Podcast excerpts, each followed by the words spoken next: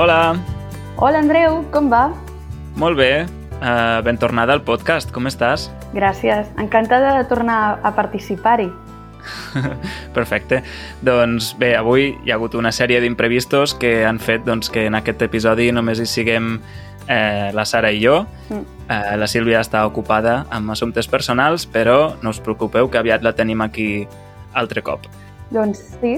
Avui és Tots Sants i, Sara, no sé si ho has celebrat des de França, des de Grenoble.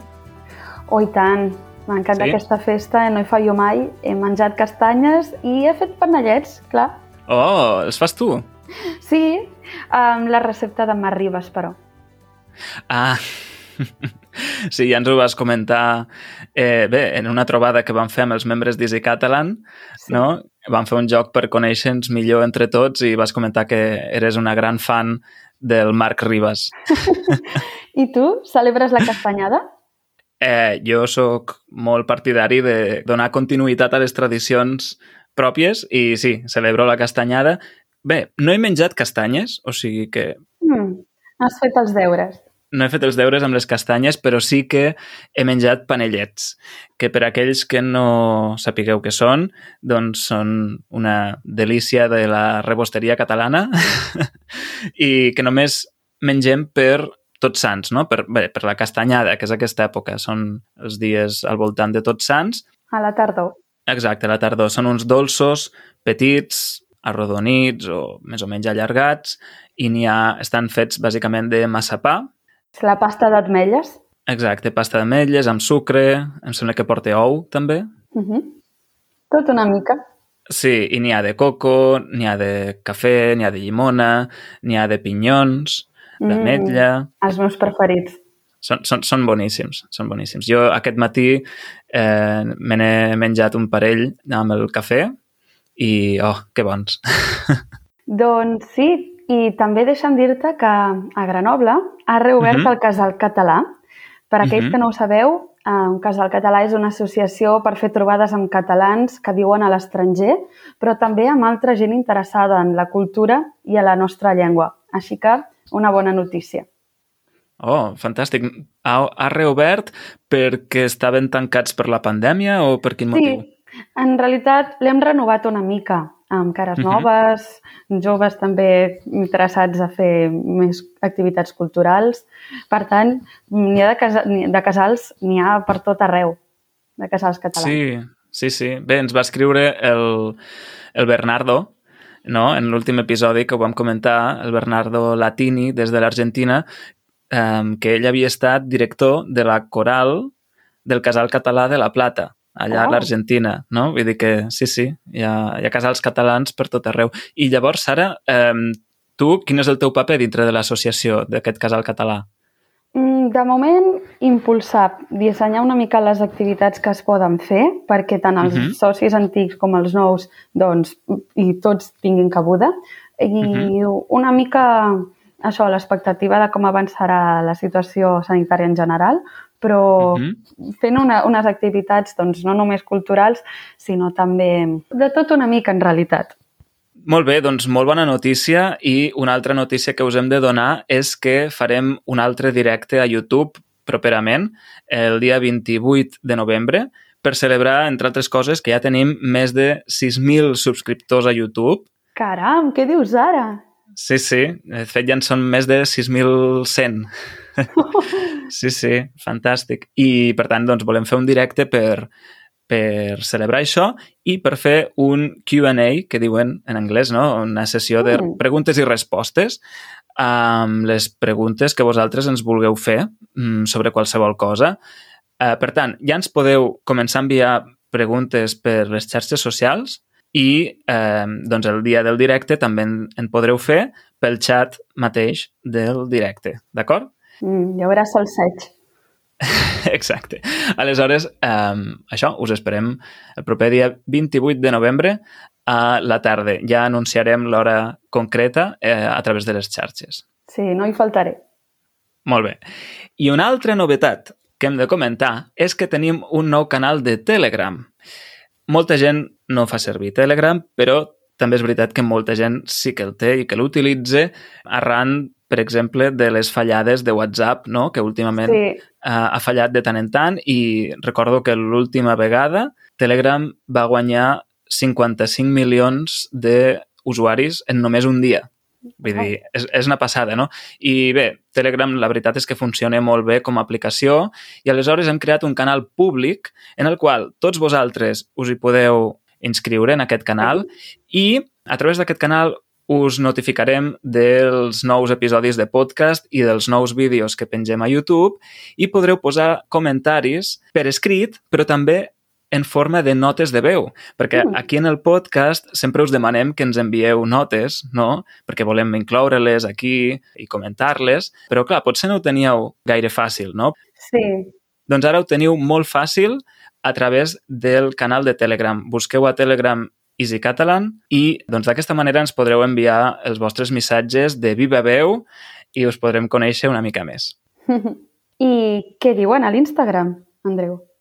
Bé, a l'Instagram i a Telegram, doncs, eh, perquè el canal ja està operatiu, doncs tenim diversos comentaris que ens han arribat. Per exemple, eh, l'Adolfo, sobre l'episodi que vam fer de les paraules boniques en català, ens comenta que la seva paraula més bonica és goig. Goig, que s'escriu G-O-I-G. No? Uh -huh. I què vol dir goig? Sara? Goig és plaer, delit per alguna cosa. Um, per exemple, mm. mm, quin goig menjar els panellets de pinyons. sí, és sinònim de plaer, de gaudi, i també quan una cosa té una aparença mm, molt bonica, no? O sigui, quan una cosa és, és plaent a la vista, doncs, oh, quin goig, no? Que maco. Exacte, que maco. Jo no ho dic, però sí, que maco. Quan, per exemple, hi ha un, uns panellets molt ben fets i que tenen molt bona pinta, dius, oh, quin goig, aquests panellets, no? Sí, sí. Bé, i tenim un altre comentari de la Júlia que ens diu, en relació amb l'episodi que vam fer sobre els motius per aprendre català, ens diu que ella l'aprèn per amor. Per amor a la llengua? Clar, és que no ens ha dit res més. Ens ha dit que és per amor i ens hem quedat amb la, amb la intriga no? de, de per quin tipus d'amor, si és per amor lingüístic o per un altre tipus d'amor. No? Aleshores, Júlia, volem més informació. I finalment tenim un comentari del Henrik, també sobre aquest episodi, no? sobre els motius per aprendre català, que ens diu que ell va començar a aprendre castellà però aleshores va resultar que tots els amics que va fer eren catalans i aleshores es va introduir en la cultura i la llengua catalana i se'n va enamorar. Oh. És a dir, que el seu motiu és parlar amb els seus amics en la seva llengua, no? Oh, que bonic, una bona manera d'integrar-se. Exacte. I finalment, per Instagram també tenim un missatge que ens ha enviat la Natàlia Romero i que diu així. Buen día, gente de Easy Catalán. Bueno, yo soy Natalia y soy argentina. Eh, bueno, el motivo por el cual vivo acá en Mallorca hace nueve meses, personalmente es por la búsqueda de nuevos desafíos, lo cual tuvo como efecto, eh, una vez ya instalada acá, que me encontrara con otro desafío también, que era aprender el idioma. Y bueno, acá estoy en este proceso y supongo que también largo viaje, pero no, no menos hermoso. La verdad es que me encanta el idioma. Y bueno, y gracias a esto mm, me encontré con ustedes, Isi Catalán, por recomendación de otra chica que también está aprendiendo el idioma.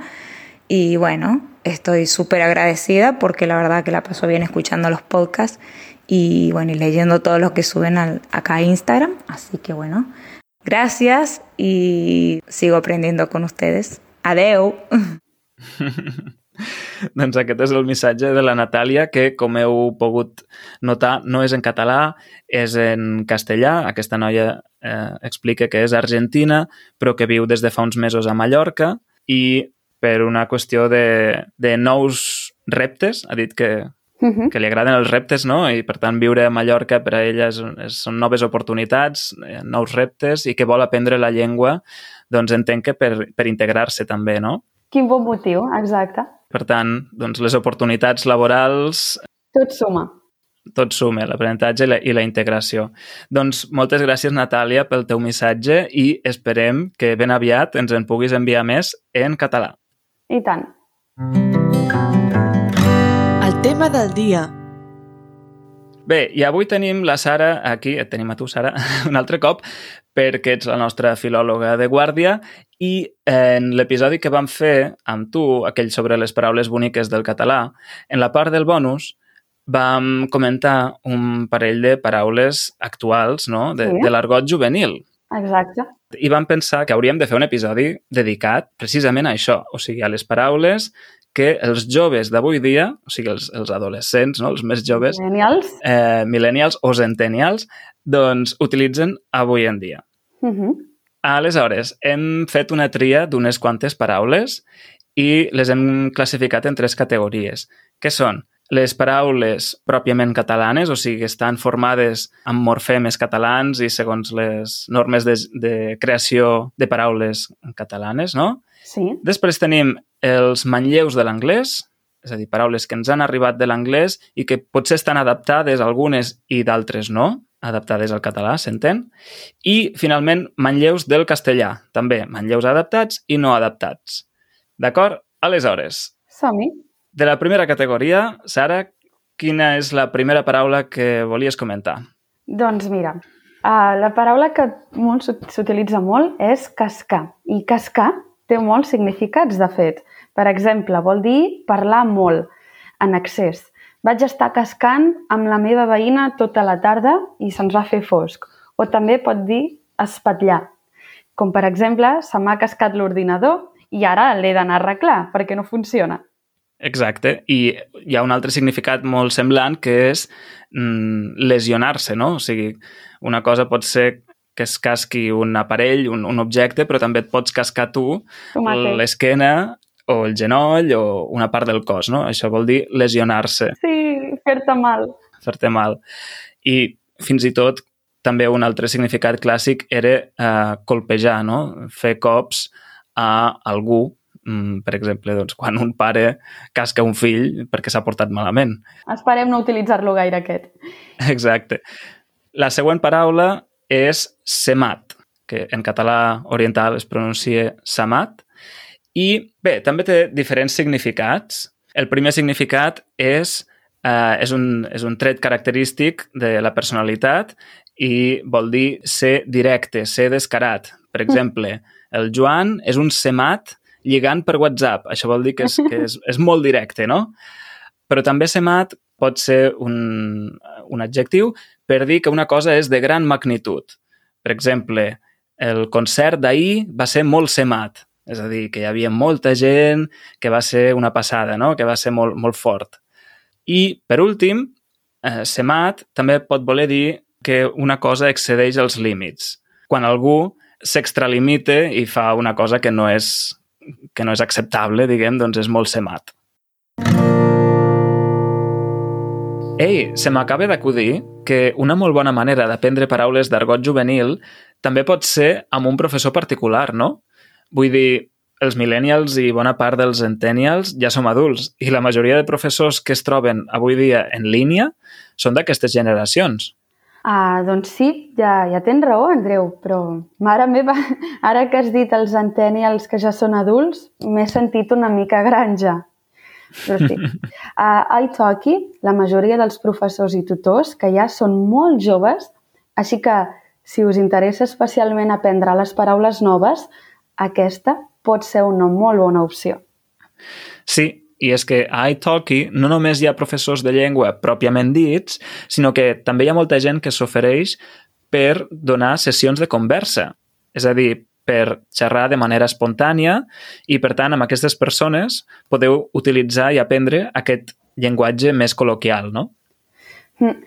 La veritat és que quan estudies un idioma, aprendre aquest tipus de paraules que moltes vegades no apareixen en els diccionaris pot ser una mica complicat, no?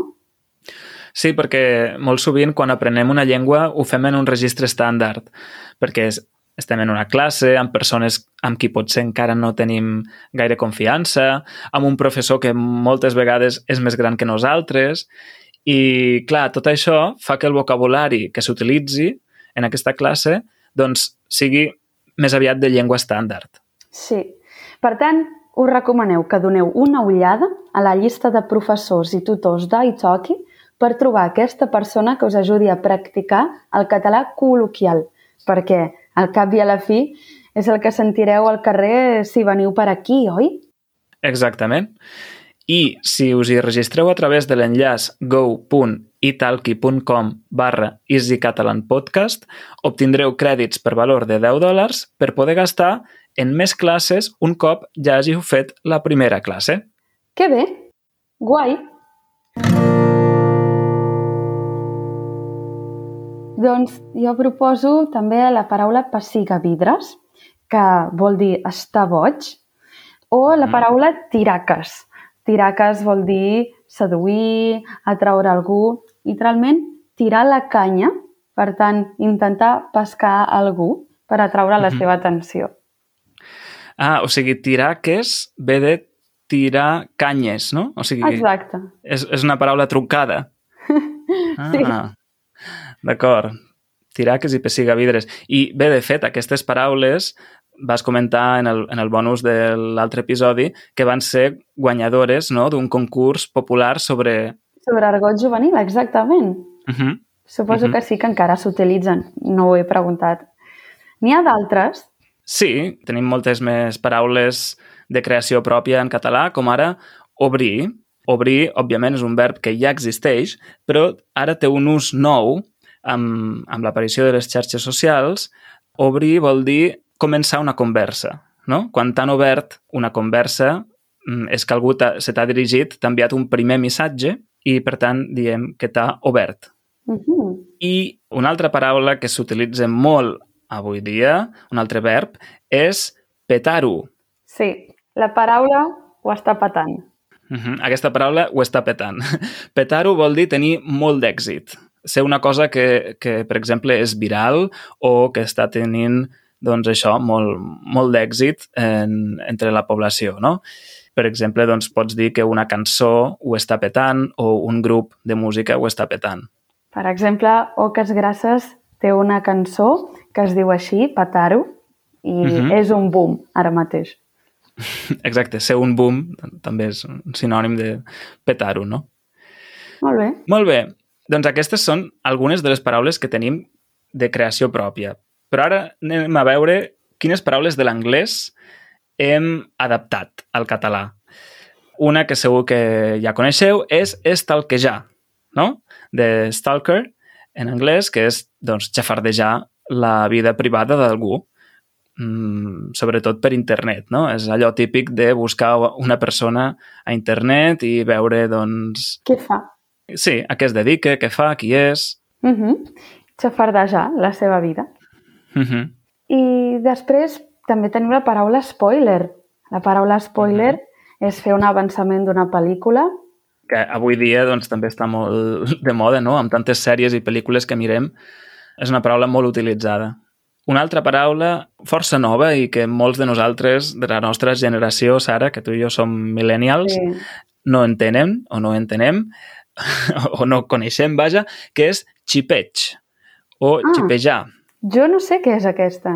Què vol dir? Doncs el xipeig, o, o l'acte de xipejar, té també diferents significats. No? El primer seria estar implicat emocionalment en una relació sentimental aliena. O sigui, per exemple, que hi ha dos, dos actors o dos youtubers, dos personatges famosos que tenen una relació romàntica i a tu aquesta relació t'interessa i mm. en fas un seguiment, no? i, i estàs pendent de, de com els hi va, de si estan encara junts o s'han separat. Doncs això és el xipeig. Com si portessin un xip. sí, però ve de uh, relationship. Ah. O sigui, de, de la paraula relació, no?, en anglès. No ho sabia. Sí, llavors l'acció de xipejar també és el fet de xafardejar no? sobre una relació sentimental Mm, de persones famoses. I, per exemple, per les xarxes socials, això es dona molt, no?, el xipeig, que sovint hi ha molta gent que es dedica a comentar si aquell cantant i aquell model encara estan junts o no. Sí, les meves amigues ho fan molt, això. Sí, és el xafardeig de tota la vida, al cap i a la fi, eh? Bé, i per últim, el xipeig també és el fet d'ajuntar els noms dels dos membres de la parella. Per exemple, amb Justin Bieber i Selena Gomez es va fer el xipeig Gelena. No? Mm. Com Brad Pitt i Angelina Jolie, Brangelina. Exacte, això és el xipeig. Molt bé. I Andreu, tens alguna altra paraula? Sí, hi ha una altra paraula que hem adaptat de l'anglès. En realitat és un verb que ja teníem, però que se li ha donat un ús nou, no? un significat nou. Uh, el verb és cancel·lar Ah, i ara s'utilitza... Sí, ara s'utilitza quan a les xarxes, sobretot, quan de cop tota la comunitat mm, de seguidors, o en general, eh, la gent posa una creu, és a dir, Deixa de seguir. deixa de seguir, i no només això, um, sinó que es posa totalment en contra d'algú, Mm. per exemple, només per un tuit que ha fet o per alguna declaració que potser és desafortunada, no? Mm. però que ha quedat registrada, ja tothom la pot veure perquè està penjada a les xarxes i aleshores tothom o un nombre molt important de gent decideix, doncs, això, ser contrari a aquesta persona i d'això se'n diu cancel·lar. Carai. Cancel·lar algú, sí, sí, és una cosa bastant forta que, que passa avui dia a les xarxes, malauradament, però, però sí, és un ús nou d'aquest verb. I, Sara, també tenim molts anglicismes que no hem adaptat no? o que estan a mig camí d'adaptar-se i que s'utilitzen molt avui dia. Uh, quins exemples ens pots donar? Doncs alguns exemples ben coneguts poden ser la paraula boomer, next, Mm. passar següent, random, sinònim d'aleatori, lol, crush, hype, chill, fail, o també la paraula spam, quan rebem massa Mm. correus brossa. Sí, això de l'spam ja, ja fa anys que, que circula, però sí, sí, en diem spam o correu, correu brossa, com dius tu. Hi ha un altre anglicisme no adaptat que està molt de moda entre els joves d'avui dia, que és cringe. Ah, El coneixes, aquest? aquest no, no l'havia sentit gaire. Què vol dir? Doncs el cringe és la vergonya aliena, o no només vergonya, sinó també la angúnia o la incomoditat que ens pot generar algú altre. Uh -huh. I quines altres paraules tens? Sí, volia comentar també el ghosting, no? Que ara està Ah. també tan, De moda amb els fantasmes. tan de moda el ghosting, eh, que és... Bé, ja ho sabeu, no? És això, el fet de no fer cas a algú, o sigui, d'ignorar a algú a través de, de les xarxes o dels, de les aplicacions de chat, no? No respondre, no, no dir res. Exactament.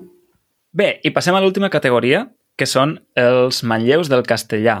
Comencem pels manlleus adaptats. La meva paraula preferida és postureig. I postureig no és preferit perquè el practiqui gaire, però uh Mhm. -huh. sí que el trobo una paraula curiosa. Sí, el postureig és, és la pràctica més habitual de- d'Instagram, no? Mm, De penjar fotos per quedar bé. de menjar, de llocs perfectes, idíl·lics...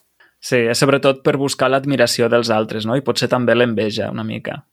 Molt bé, hi ha un altre, un altre manlleu del castellà que eh, és molt habitual, potser no és tan nou, però s'utilitza molt, que és el verb liar. Ostres, sí. liar-se vol dir fer-se un embolic, no? Quan, quan et confons o tens un... Sí, et fas un embolic mental, doncs diem que et lies.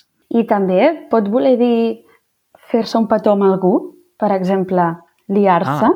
entre dues Sí. persones, Uh -huh, exacte, sí, sí. quan se'n- s'enrotllen. Enrotllar-se, embolicar-se amb algú. Sí. Exacte, fer-se petons, etc. També m'agrada molt la paraula salseig. La paraula Mhm. salseig, i és que a les meves amigues els encanta fer salseig, xipejar la vida privada dels famosos. Ho saben tot perquè miren els programes de, de teles escombraries. Ve de salseo, no?, aquesta paraula. Sí. I a tu t'agrada fer salseig? No, no m'agrada gaire fer salseig, la veritat. Bé, i, i una altra paraula que també és molt habitual eh, avui dia, segur que l'heu sentit mm, si, si escolteu la ràdio en català o si teniu amics catalanoparlants, és xungo. Sí, No? i tant. Xungo, que de fet potser no ve del castellà, em sembla que ve del, del caló, que és la llengua dels gitanos. Mm. Um, però bé, sigui com sigui, xungo vol dir difícil. No? Quan una, un examen és xungo, és un examen difícil. O també quan una cosa és feixuga, en el sentit de, per exemple, un, una situació, un context en què tot és com molt estrany i que no saps ben bé què està mm. passant, mm. doncs dius, tot era molt xungo, no? Molt perillós, com misteriós. Sí, misteriós, com que no saps identificar si allò és, és una cosa correcta, una situació, diguem, normal... Incerta. Eh, sí, incerta, doncs dius que és xunga. He entrat a molts locals així. Bé, i després com a manlleus del castellà no adaptats... En plan. En plan és la paraula preferida per molts dels meus alumnes. En plan que vol dir o sigui, és a dir, per exemple, o també s'utilitza molt la paraula sudar. Sudar, però d'alguna cosa. Sudar, compte, vol dir una mostra. L'altre dia vas sudar del meu missatge, que encara espero resposta i no m'has contestat vol dir passar, obviar. Sí, vol dir ignorar. Mm. Pots ignorar, sudar d'una cosa o d'algú és ignorar aquesta cosa o, o aquesta persona, però també pot voler dir que no t'importa, no? És a dir, quan dius sudo, és com passo, passo, no m'interessa, no? Torno al grup d'Oques Grasses, també tenen una cançó que diuen me la suda que tinguis més likes. un castellanisme i un anglicisme en la mateixa frase. Mm. Què més tenim? Doncs tenim també la paraula borde. Una persona borde és una persona antipàtica o molt seca, o sigui que a l'hora de respondre o contestar potser no té gaire, diguem, sensibilitat i diu les coses de manera molt, molt, molt seca. Exacte. O també la paraula cutre com a sinònim de xungo, o vulgar? Alguna cosa grollera? Per cert, què pot ser cutre? Posa un exemple. Un local molt cutre és un bar decorat amb mal gust, on res no lliga i no té harmonia. Sí, això és un bon exemple. Quan parlem d'un bar cutre o un restaurant cutre és que és brut, exacte, però es pot aplicar a pràcticament tot, no? Sí, és molt cutre el que vas dir l'altre dia, et vas deixar en evidència davant de tots.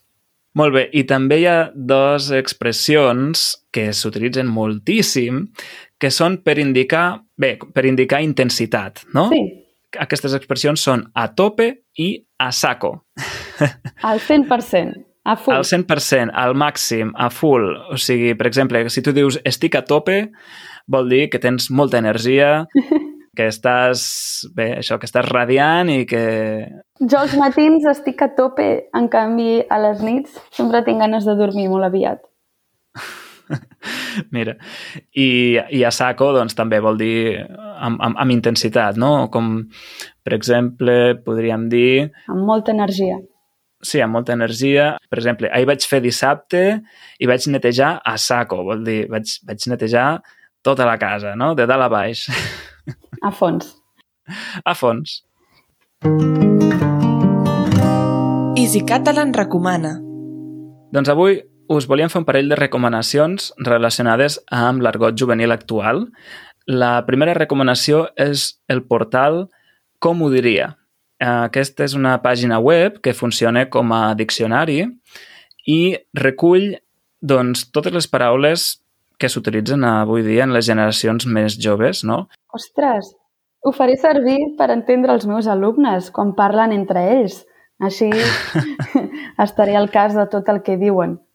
Exacte, quan tornis a Catalunya, no? Perquè abans de fer de professora a Grenoble eres professora de secundària, oi? Sí, em caldrà actualitzar-ne. Segur que t'anirà bé per entendre'ls. Doncs aquest portal està molt bé perquè actualment no n'hi ha gaires, bé, gaires llocs web o diccionaris de llenguatge juvenil actual tan complets com aquest, no? I de fet, aquest portal és un projecte universitari d'uns estudiants de la Universitat de Barcelona, un dels quals és també professor de català a l'estranger com tu. Ah. Sí, que és el, és el Xavier Mas Cravioto, ah, sí? que, com hem dit, doncs, és professor de català a Bristol, al Regne Unit, i bé, si per casualitat entre els nostres oients hi ha algun alumne del Xavier Mas, doncs digueu-li que, que moltes gràcies per aquest recurs i que si mai té temps per venir aquí al podcast a parlar amb nosaltres, està més que convidat. Li farem arribar. Doncs jo us proposo el programa Adolescents i Cat, que el podeu trobar al YouTube. És un programa de ràdio dels millennials, precisament això, que el fan a YouTube i a Instagram. I aquest programa, d'ICAT, han fet com a producte el diccionari adolescent adult. Uh -huh. I en què consta aquest diccionari? És un diccionari on precisament comenten això, paraules millennials, com hem dit nosaltres, i l'expliquen el significat i en posen alguns exemples.